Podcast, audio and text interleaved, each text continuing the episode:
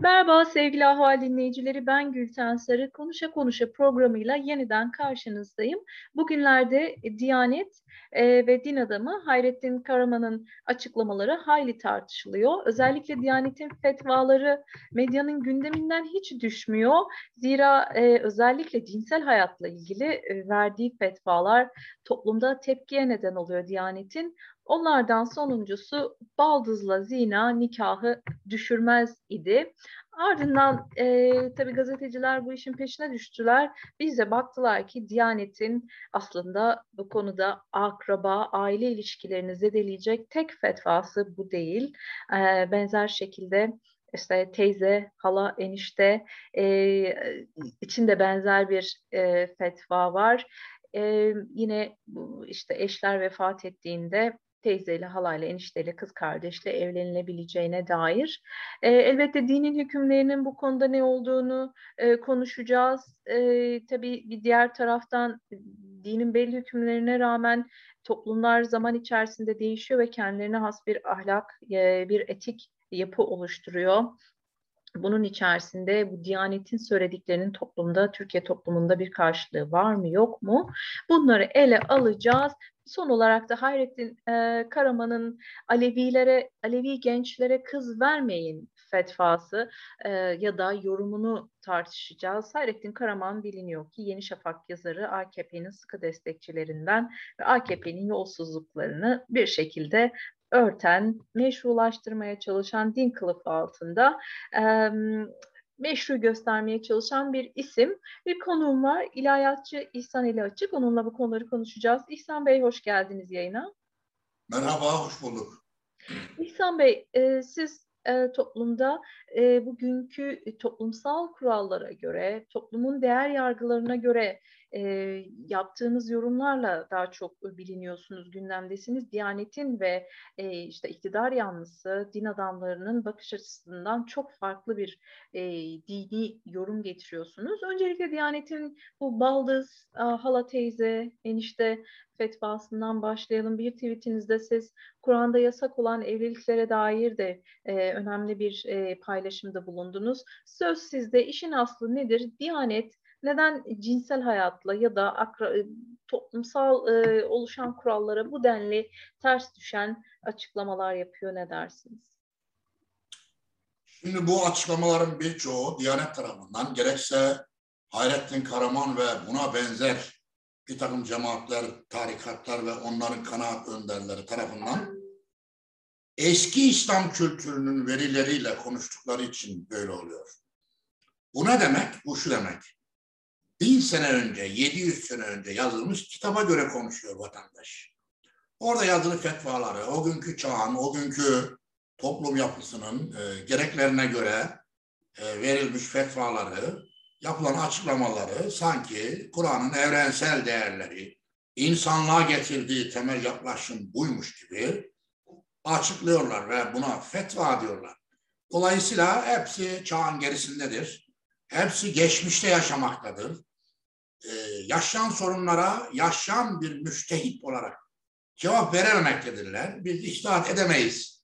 Geçmişte alimlerin verdiği iştahatları ancak yansıtabiliriz demekteler ve e, bin sene öncekilerin yazdıklarını da işte aktardığı zaman böyle sorunlar ortaya çıkmaktadır. Halbuki işin özeti nedir? Onu sordunuz. İşin özeti şudur. Kur'an-ı Kerim'de evlilik hükümlerini düzenlemek birkaç maddeyle mümkündür. Onu da bahsettiğiniz e, tweette aktarmıştım, özetini sunmuştum. E, bunlar genellikle Nisa suresinde toplanır bu tür ayetler. Şöyle özetleyebiliriz. Birincisi, Kur'an-ı Kerim'de 12 sınıf akraba evliliği yasaklanmıştır. Nisa suresinin 23. ayetinde bunu açıkça görebilirsiniz anneleriniz, babalarınız, kardeşleriniz, e, öz evlatlarınız falan diye, kız kardeşleriniz diye birinci derecede dünyanın her yerinde yasak olan e, ensest ilişkiye girebilecek pozisyonda olan ve insanlığın şu anda geldiği noktada da tüm ülkelerde e, caiz görülmeyen, fıkıhta, hukukta yer verilmeyen evliliklerin hepsi Kur'an'da da yasaklanmıştır. Kur'an-ı Kerim'de e, evlilikleri ve e, normal evlilikleri ve aile ilişkilerini zedeleyecek herhangi bir evlilik hükmü yoktur. Önce bu 12 sınıfın e, Nisa suresinin 23. ayetinde tek tek tek tek tek sıralanır. Bunlarla evlenmek size haram kılınmıştır der. Şimdi bunun dışındakiler üçüncü, dördüncü derecede akrabalar oluyor. Onlar zaten dünyanın her yerinde akraba evliliği de yakın evliliği, yakın yani tanıdık yakınlar evliliği oluyor. Akraba evliliği dediğimiz şey e, birinci sınıf halkada kişinin e, üstteki e, dedesinden aşağıdaki oğluna doğru birinci sınıf halkadaki aile fertleriyle, akraba fertleriyle evlenmesi 12 sınıfta toplanmıştır. Bunlardan bir tanesi de akraba evliliğine girmemesine rağmen iki kız kardeşle evlenmektir. Yani iki tane kız kardeş aynı anda ikisiyle birden evlenmek de 12. sırada yasaklanmıştır. Şimdi onu e, Nisa suresinin 23. ayetinden ayrıntısını okuyabilirsiniz. İkincisi e, evli birisiyle, kocası olan bir kadınla veya karısı olan bir e, erkekle evlenmek de yasaktır. Yani evli olan birisiyle evlenmek de yasaklanmıştır. Öyle sanıldığının aksine e, kadın ikinci, üçüncü erkek alamaz, haramdır ama erkek ikinci, üçüncü e, hatta dörde kadar kadınla evlenebilir. Aynı anda dört kişi bir arada kadınla evlenebilir diye bir görüş var. Bu da yanlış. Gerçi bu direkt konumuza girmiyor ama onu da değinmiş olayım. Yani birisiyle evli olanla evlenilmez. Bu da haram kılınmıştır. Ee, evlenecek kişinin bekar olması gerekir. Evli olmaması gerekir. Kadın olsun, erkek olsun. Birisiyle evliyse ona evlilik teklifi götürüp onunla aynı anda evlenemezsin. E, bu da Kur'an-ı Kerim'de yasaklanıyor. Evli olanla evlilik. E, bir diğeri çocuk yaşta olanla evlilik. Bu da çok tartışmalı bir konu. Evet. Bunu da Nisa suresinin 6. ayetinde görüyoruz. Ee, biraz evvelki evli olanla evlilik de Nisa suresinin 23. ayetinde, 24. ayetinde geçer. Hmm, bu çocukla evlilik de Nisa suresinin 6. ayetinde geçer. Orada e, buluğun nikah, nikah çağı kavramı kullanılır. Yani sanıldığının aksine peygamber öyle 9 yaşında, 6 yaşında falan Ayşe ile evlenmemiştir. Ayşe evlendiğinde buluğ çağındadır, nikah çağındadır ve e, yapılan araştırmalara göre de 19-20 yaş civarındadır. Buradaki 19 yanlış anlaşılarak 9 diye rivayetlere geçmiş. Sorgulamadan birbirlerini aktarınca da sanki 9 yaşında şu anda bildiğimiz Sabi ile henüz daha nikah çağına gelmemiş. Evlenme, vücudu evlilik e, hazır gel, hazır hale gelmemiş. Aybaşı hali bile görmeyen bir Sabi ile peygamber evlenmiş gibi yansıtılıyor. Halbuki o günkü Arap toplumunda da e, nikah çağına gelmeyen bir kızla evlenmek haramdır, yasaktır. Cahiliye adetlerine göre de yasaktır. Yani bırakın peygamberi çocukla evlenme. Herhangi bir müşrik de çocukla falan evlenmez yani. E, çünkü onlarda da nikah çağı kavramı vardır. Erkekler ve kızlar nikah çağına gelince bunun yaşı kaçtır? Orası ayrı bir konu. Günümüzde günümüzde bunun yaşı çocuk hakları sözleşmesine göre 18'dir. Yani artı 18 olması lazım evlenecek kişinin. O günkü çağlarda bu 15-16 falan oralarda olabilir. Ee, önemli olan rakam yaş değildir. Yani yaşın rakamı değildir. Önemli olan nikah çağına gelip gelmediğidir. Yani biraz daha biyolojik söyleyecek olursak erkek e, vücudundan sperma geliyor olması lazım. Kadının da vücudundan kan akıyor olması lazım. Aybaşı hali görmesi lazım. Bunlar biyolojik olarak çiftleşmeye hazır hale geldiği vücudun anlamına gelir. Buna e, biyolojik yetkinlik, ergenlik diyoruz. Hı hı. Bir de sosyal ergenlik var. Ona da rüşt diyoruz. Evet. Kur'an-ı Kerim'de Nisa suresinin 6. ayetinde e, e, çocukların, yetimlerin evlenme çağına geldiğini görürseniz buluğun nikah evlenme yaşına geldiklerini görürseniz ve kendilerini test edin. Kendilerini bir e, bir bakın. Eğer kendilerinde ayrıyeten bir de rüşt görürseniz yani reşit hale gelmişlerse onlara babalarından kalan malları teslim edebilirsiniz diyor. Mal tesliminde bile buluğ ve rüşt şartı arıyor ve Hı hı. evlilik çağı kavramını kullanıyor. Peki, Demek ki bu ayetten anlaşılıyor ki, Evet, bu ayetten de anlaşılıyor ki evlilik çağı diye bir şey var. evet. Hatice evlilik çağına gelmeden peygamberle evlenmesi Kur'an'a göre yasaktır. Hı. Arap geleneklerine göre yasaktır. Olacak iş değildir. Eğer öyle bir şey olsa müşrikler bunu tepe tepe kullanırlardı. Nitekim peygamber de Hazreti Ali ile Fatma'nın evleneceği sırada Fatma'yı Ali isteyince henüz evlilik çağına gelmedi. Buluğun nikah tecelli etmedi. Henüz o daha çocuk diyerek beklemesini istemiştir. Ali de iki üç sene beklemiştir. Evlilik çağını geçtikten sonra evlendirilmiştir. Ayşe de zaten evlenmeden önce başka birisiyle nişanlıdır. Nişanı bozmuştur babası e, Muhammed'e uydu diye Ayşe'nin babası. Bu bozulan nişan üzerine peygamber onunla Medine'ye e, gidince evlenmiş. Yani öyle çocuk falan değildir Ayşe. Onu anlatmaya Evet. çalışıyorum. Kur'an-ı Evet. Kerim'de velhasılı kelam çocuk yaşta evlilikler haramdır. Hı hı. Peki İhsan Bey, e, Üçüncü olarak, biz de olarak, dördüncü onu şunu söyleyeyim de tabii buyurun. e, birinci olarak 12 sınıfla evlilik yasaktır. Evet. İkincisi evliyle evlilik yasaktır. Üçüncüsü çocukla evlilik yasaktır. Dördüncüsü e, evlendiğinde aldatan, zina yapan, iffetsiz yaşamayanla evliliği sürdürmek de yasaktır. Yani bunlar hepsi boşanma sebebidir.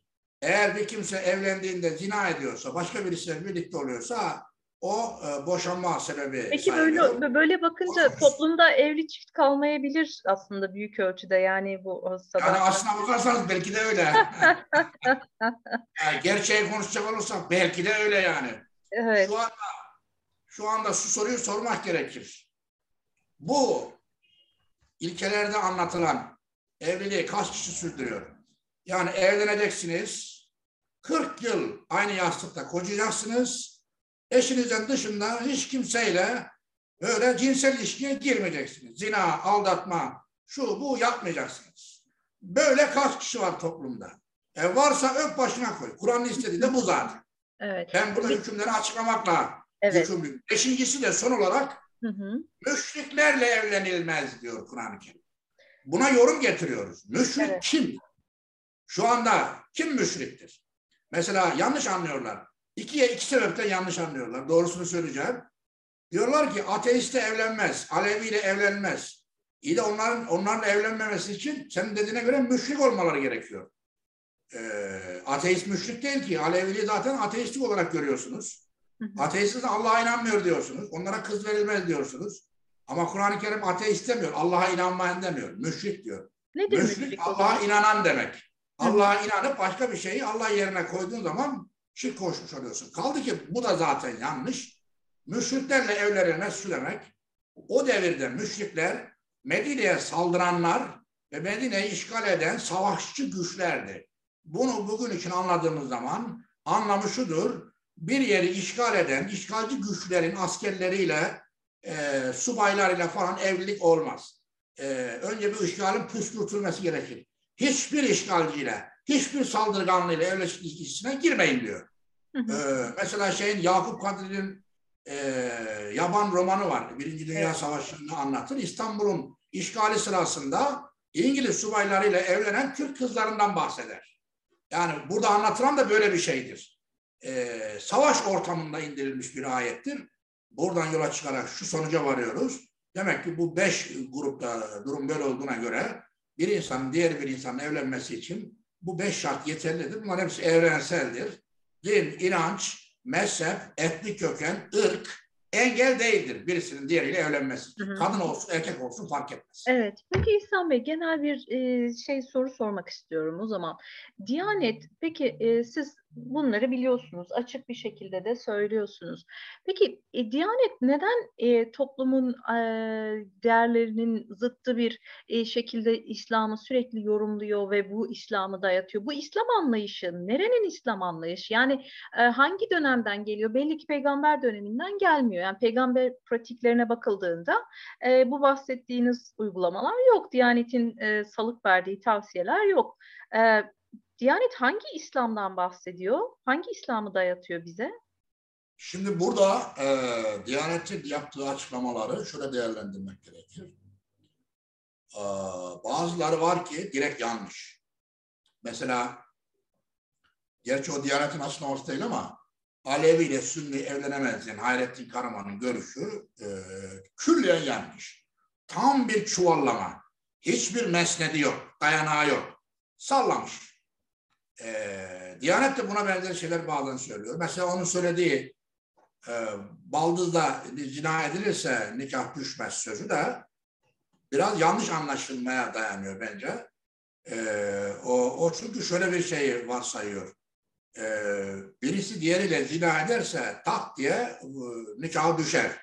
Ama bu nikah düşme dediğin şey e, mahkemede olması gerekir. Yani kişi benim kocam zina ediyor diye veya benim karım zina ederken yakaladım. Şunlar şunlar da kanıtlarıdır, kanıtlarıdır diye mahkemeye müracaat eder. Mahkemede bunu boşanma sebebi sayar. Şu anki mevcut yasalarda da zina direkt boşanma sebebidir. Ama cezalandırma sebebi değildir. Ama taciz ve tecavüz olursa bu cezalandırma sebebidir. Doğru bir yorum. Ee, o da bakar ki gerçekten zina olayı var. Onları şiddetli geçimsizlik, zina, aldatma gibi şeyler birinci derecede boşanma sebebi sayılıyor ve onları boşar. Yani birisi e, kadın baldızıyla kocasının e, zina ettiğini, ilişkiye girdiğini görürse, mahkeme müracaat ederse, e, bunu da kanıtlarsa hakim de birinci dereceden boşanma sebebi sayarak bunları boşar. Hiçbir engel yoktur. Dinin görüşü de budur. İslam'a uygun olan budur. Burada ne demek istiyor? Yani baldızda olursa yani istediğin kadar baldızdan zina et bir şey olmaz mı demek? Ne demek istiyorsun yani? Burada ne demek istediği biraz açık e, tam olarak açık değil. Zaten herhangi bir kimseyle zina ettiğinde bu kanıtlanmadığı takdirde öyle nikah düşer diye bir şey yok. Nikah düşer eski çağlardan Morloların kullandığı bir tabirdir. Şimdi öyle nikah düşme diye bir şey yok. Mahkeme var. Gideceksin mahkemeye zina edildiğini kanıtlayacaksın. Hakim de seni birinci dereceden boşanmasını sayarak ayıracak. Boşsun diyecek. Boşa, boşadım sizi diyecek. Nüfus cüzdanını iptal edecek.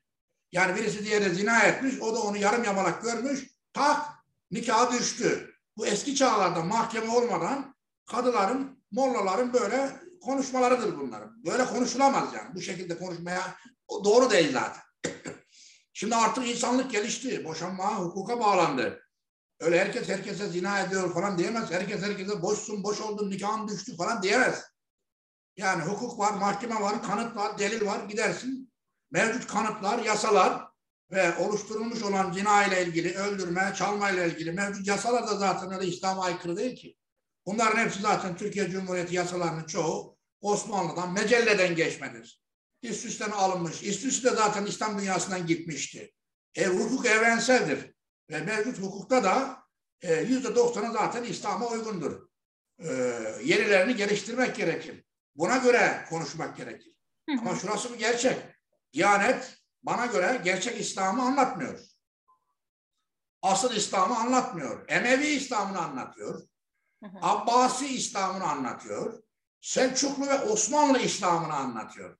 Yani saraylarda oluşmuş İslam anlayışını bize anlatıyor. Oysa Medine İslam'ını anlatması gerekir. Yani peygamberin Medine'de 10 yıl başında durduğu bir toplumsal hayat vardır, bir hukuk düzeni vardır, bir kamu düzeni vardır. Bir çoğulcu, demokratik, federal bir sistem vardır bugünkü tabirlerle.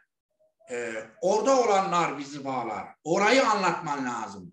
Ve anlattığın şeyin de oraya uygun olması lazım. Oraya ters olmaması lazım. Kur'an'a aykırı olmaması lazım. Kur'an-ı Kerim'de dinin teorik içeriği ifade edilmiştir. Kur'an'ın dışında din yoktur. Yani peygamberin İslam'ını anlatmıyor mu Diyanet? Efendim? Diyanet peygamberin İslam'ını anlatmıyor halde galiba. Anlatmıyor. Emevi İslam'ını anlatıyor. Osmanlı İslam'ını anlatıyor dedim ya. Bunlar da hadislerden oluşuyor. Mezhep görüşlerinden oluşuyor. Şimdi bu mezhep görüşlerinin içinde, hadislerin içerisinde ee, Kur'an'da anlatılan İslam'a uygun olan şeyler yok mu? Var tabii canım. Olmaz olur mu? Ama bir sürü şey de aykırıdır. Çoğu da aykırıdır yani. Şimdi sen aykırı olanları da anlatıyorsun. İslam diye insanlara yutturmaya çalışıyorsun. Ve o görüşleri e, yüzleşmiyorsun. Eski İslam kültürü diyoruz buna. İhanetin eski İslam kültürüyle yüzleşmesi gerekiyor. Hayrettin Karaman'ın eski İslam kültürüyle yüzleşmesi gerekiyor. Türkiye'deki dini cemaatlerin, vakıfların, tarikatların eski İslam kültürüyle yüzleşmesi gerekiyor. Yani e, Emevi Abbasi, Selçuklu, Osmanlı sarayları etrafında oluşmuş o çağların ihtiyacını giderme amacıyla oluşturulmuş fetvalar, görüşler, dini fikirlerle yüzleşilmesi gerekiyor. Ve doğrudan doğruya Kur'an'dan alarak ilhamı çağın idrakine sunmaları gerekiyor İslam. Bir şey daha soracağım. Ee, yani biz gördük ki Diyanet Taliban'ı ağırladı. Biz Taliban'ı iyi bilmeyiz insanların işte yeri gelir kafalarını kesen, kadınları evlere, evlere kapatan, üniversitelere kadınların kapılarını kapatan, insanları sopadan geçiren bir rejim ve onları en üst düzeyde ağırladı Diyanet. Yani oradan da aslında Türkiye'de istedikleri İslam anlayışına dair çok net bir tablo ortaya çıkmıyor mu? Şimdi e, Diyanet'in İslam anlayışıyla Taliban'ın İslam anlayışı arasında tabii ki bir yakınlık var ama e, tam anlamıyla da olduğu söylenemez. Yani baş başa kalsalar ihtilaf ederler, anlaşamazlar. Siyaset icabı e, onları ağırladılar. E, dini açıdan da biraz yakın gelmiş olabilir. E, çünkü Cumhurbaşkanı'nın Biden'le e, Amerikan Başkanı'yla görüşmesi neticesinde Amerikan e, Başkanı'yla Afrika konusunda pazarlıklara girdi. Ne pazarlıklar yaptığını tam bilmiyoruz ama o pazarlıklar neticesinde bu Afganlılar Türkiye'ye geliyorlar e, Diyanet'e de talimat verdi. Bunları karşılayın falan filan diye. Onlar da böyle onları karşıladılar. E, yakınlık şuradan geliyor. E, onlar Sünni ve Hanefi olduğunu söylüyorlar. Diyanet de Sünni ve Hanefi olduğunu söylüyor. Ama e, Talibanlar Sünnili ve Hanefiliğin katı, bağnaz ve cahilce e, bir yorumunu uyguluyorlar. E, hem e, bağnazlar, çok bağnazlar, katılar e, ve de çok cahiller. Yani cahilce uyguluyor mezhebi din zannediyor. Kabile geleneklerini din zannediyor. Şimdi benim bu söylediklerimi duysalar yani dinden çıkarırlar. Müslüman falan saymazlar. Sanki kendileri doğru düz Müslümanmış gibi. Böyle cahil cahil insanları dinden de çıkarırlar. Ee, dolayısıyla şimdi o onların böyle özenilecek bir tarafı yok ki. Ee, bunlar mezhep iştahatlarıdır diyerek geçmişteki bir takım mezhepler, bir takım alimler bu tür görüşler serdetmiş. İşte İmam-ı Şafii, e, Ebu Hanife onlarda da böyle günümüzde bayağı bağnaz, katı gelecek e, ve e, kabile gelenekleri izlenimi veren fetvalar var. Şimdi bunlar geçmişteki alimler tarafından söylemiş ne yapalım? Din bu işte. Biz de onu uyguluyoruz diyeceklerdir. Halbuki o geçmişteki alim dediklerini yaptığı da yanlıştır. Sen yanlışı sürdüremezsin yani. Ee, geçmişteki alim de yanılmış olamaz mı? Emevilerin, Abbasilerin etkisi altında kalamaz? Çoğu öyledir zaten. Hı hı. E, Ebu Hanife diyorsun, Hanefiliği e, sürdürdüğünü söylüyorsun. O, bağlı bulundukları görüşlerin çoğu Ebu Hanife'ye ait değil ki. Onun talebesi Ebu Yusuf'a ait. Bu ikisi kim?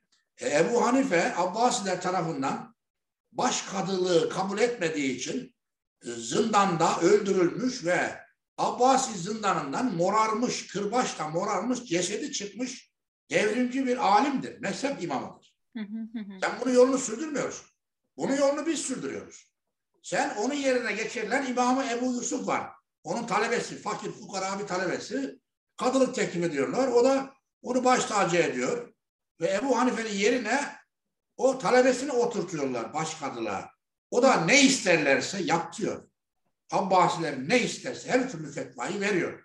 Hı. Şu anki Taliban'ın, şu anki Diyanet'in Hayrettin Karaman'ın benzeri aslında. Sürdürdükleri, Karaman, Hayrettin Karaman'ın sürdürdükleri Ebu Hanife'nin çizgisi değildir. Bu e, Hanefilik, Ebu Hanife adına uydurulan mezhebin çizgisidir. Evet. Nasıl ki Musa adına din uydurulmuş, İsa adına din uydurulmuş, Muhammed adına din uydurulmuş, Ebu Hanife adına da mezhep uydurulmuş. Hı hı. Gerçekler, gerçek alimler tarihte yok olmuştur. Evet. Onların çizgisini sürdüren bugün birkaç kişidir. Evet. Onların sesi sonu da çıkmaz. Devlette falan uygulanmaz onlar. Evet. Saraylarda uygulananlar, kamu hayatında uygulananlar bu saray etrafında oluşturulan fıkıhtır. Hı. Bir de öteki İslam tarihi var. Ebu Hanife öteki İslam tarihinin en sima, baş simalarındandır.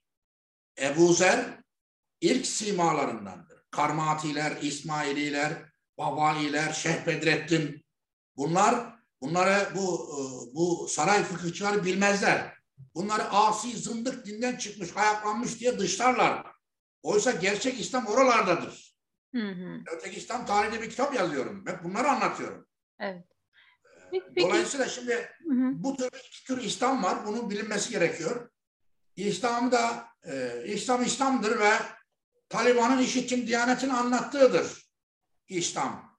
O İhsan Açık gibilerin onu modernize etmeye çalışmaları, bize iyi göstermeye çalışmaları boşunadır. İslam gerçekte odur diyenler var. Evet. Ben onları da bu Diyanet safına, Taliban safına geçiriyorum. Onların safındalar onlar bana göre de. Hı hı. E tabii Gerçek şöyle- İslam'ın anlaşılmamasını e, isteyenler. e, e tabii şöyle de bir şey var. Hı hı. gerçek İslam'ın anlaşılmamasını isteyenler Talibanlardır, İhanettir, işitçilerdir ve gerçek İslam aslında bunlardır diyen fanatik ateistlerdir. Evet. Tabii da şöyle gerçek İslam'dan rahatsız oluyorlar. E, Neden evet. bu iki gruptan, bu iki grup benden rahatsız oluyor? Hem fanatik ateistler hem bu işitçiler, Talibanlar öfke kusuyorlar. İkisi birden aynı anda. Hı hı. Peki İslam Bey yani şöyle de bir şey var tabii toplumda doğruya gerçeğe ulaşmak artık o kadar zorlaştı ki ve yeni nesil gençler e, böylesi bir İslam yorumunun içine doğdukları için duyduklarından e, çok hoşnut olmuyorlar doğal olarak ve bir tepki gösteriyorlar. Bu da gençler arasında e, e, İslam'a karşı ciddi bir tepkiyi de beraberinde getiriyor ama diğer taraftan söylediğiniz gibi e, temelde kökten karşı olanlar da var. Peki ben şeyi soracağım. Ee, yine Karaman'a dönersek, e, bugün Türkiye nüfusu 85 milyon civarı. Bunun 10 milyon kadarı e, belli verilere göre Alevilerden oluşuyor ve kalkıp e, iktidara yaranmak isteyen e, bir din alimi diyelim tırnak içerisinde Alevilere kız verilmez diyebiliyor. Yani biz bu anlamıyla toplumda bölücülük, ayrışma, ötekileştirme, kamplaşma, nefret yani bunlar İslam'ın onayladığı şeyler mi? Bir de çok 87 yaşında belki e, akıl sağlığını da hani büyük ölçüde yitirmiş olabilir. Çünkü hiçbir aklı başında din adamı yolsuzluğa e, onay veren fetvalar çıkarıp iktidarı aklamaz. E, ne yapacağız biz bu isimlerle? Evet şimdi e, dediğiniz doğru. Bunlar bunamış fetvalardır. Bunlar ancak bir bu fetvayı verene bunak denebilir. Başka bir izahı da yoktur. İtibara alınmaması gerekir. Dini bir e, gerekçesi yoktur. Neymiş dini gerekçesi? Ben söylesin hemen anında çürütürüm. Şunu söyleyecektir. Kur'an-ı Kerim demektedir ki müşriklerle evlenmeyin. Alevler müşrik mi yani?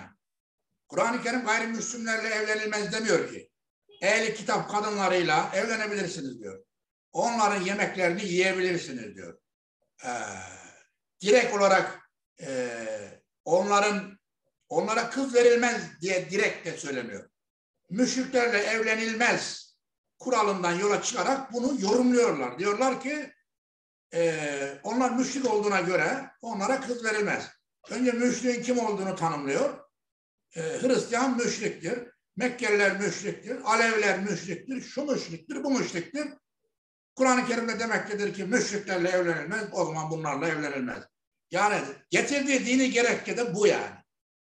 Peki müşrik saldırgan demektir. Savaş ortamında gelmiş bir ayettir. Medine'yi işgale kalkışan saldıran güçlerle evlenmeyin diyor. İşte yorum çöktü. Yaptığın yorum yanlış. Dayandığın temel yanlış. Kur'an-ı Kerim'de e, gayri müsafihin, iffetli yaşam ve gizli dost tutmadıkça e, elinize düşen esir kadınlarla da evlenebilirsiniz diyor. Onların inancını sorgulamıyor. E, Bakara suresinde, Nisa suresinde, Ahzab suresi 5. ayette.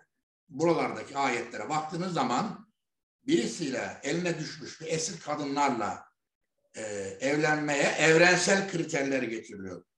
Velilerinin izniyle mehirlerini kendilerine vererek gizli dost tutmamak ve iffetli yaşamak şartıyla onlarla nikahlanın diyor. Yani e, Müslüman olmalarını şart koşmuyor. E, onların e, inançlarını ortaya yere sürmüyor. Dolayısıyla Kur'an-ı Kerim'deki evlilik ilkeleri bana göre evrenseldir. Ne demek bu? Şu demek. Bugün dünyanın neresine giderseniz gidin, bir çifte aranması gereken özellik nedir? Birbirlerini aldatmalar, aldatmamaları ve yaptıkları evlilik sözleşmesine sadakat göstermeleridir. Kur'an'ın istediği de budur. Onun dışında birisi Aleviymiş, öyle Sünniymiş, biri Müslümanmış, biri gay gayrimüslimmiş, biri Yunanmış, biri Türkmüş, biri Kürtmüş, biri Arapmış. Bunların hiçbirisinin ama hiçbirisinin evliliğe engel olmadığını, evliliğe engel olan tek şeyin sadakat, iffet ve aile sözleşmesine, bir aile birliği sözleşmesine bağlılık olduğunu söyleyebiliriz. Kur'an'daki o kadar ayetten çıkarılan sonuç budur. Gelsin benimle kim tartışacaksa tartışsın. Bununla ilgili 10-15 tane ayet ortaya koyalım. Evlenme, boşanmayla ilgili. Hepsinin sonucu budur. Hı hı. Peki evet. İhsan Bey, e, o halde ekleyeceğiniz bir şey var mı? Yoksa çok teşekkür edeceğim size. Yayını kapatacağım. Teşekkür sağ olun. Sorduğunuz sorular için Doğru, teşekkür Ben teşekkür ederim doğrularla toplumumuza ışık tut, tuttuğunuz için. Eyvallah, sağ olun.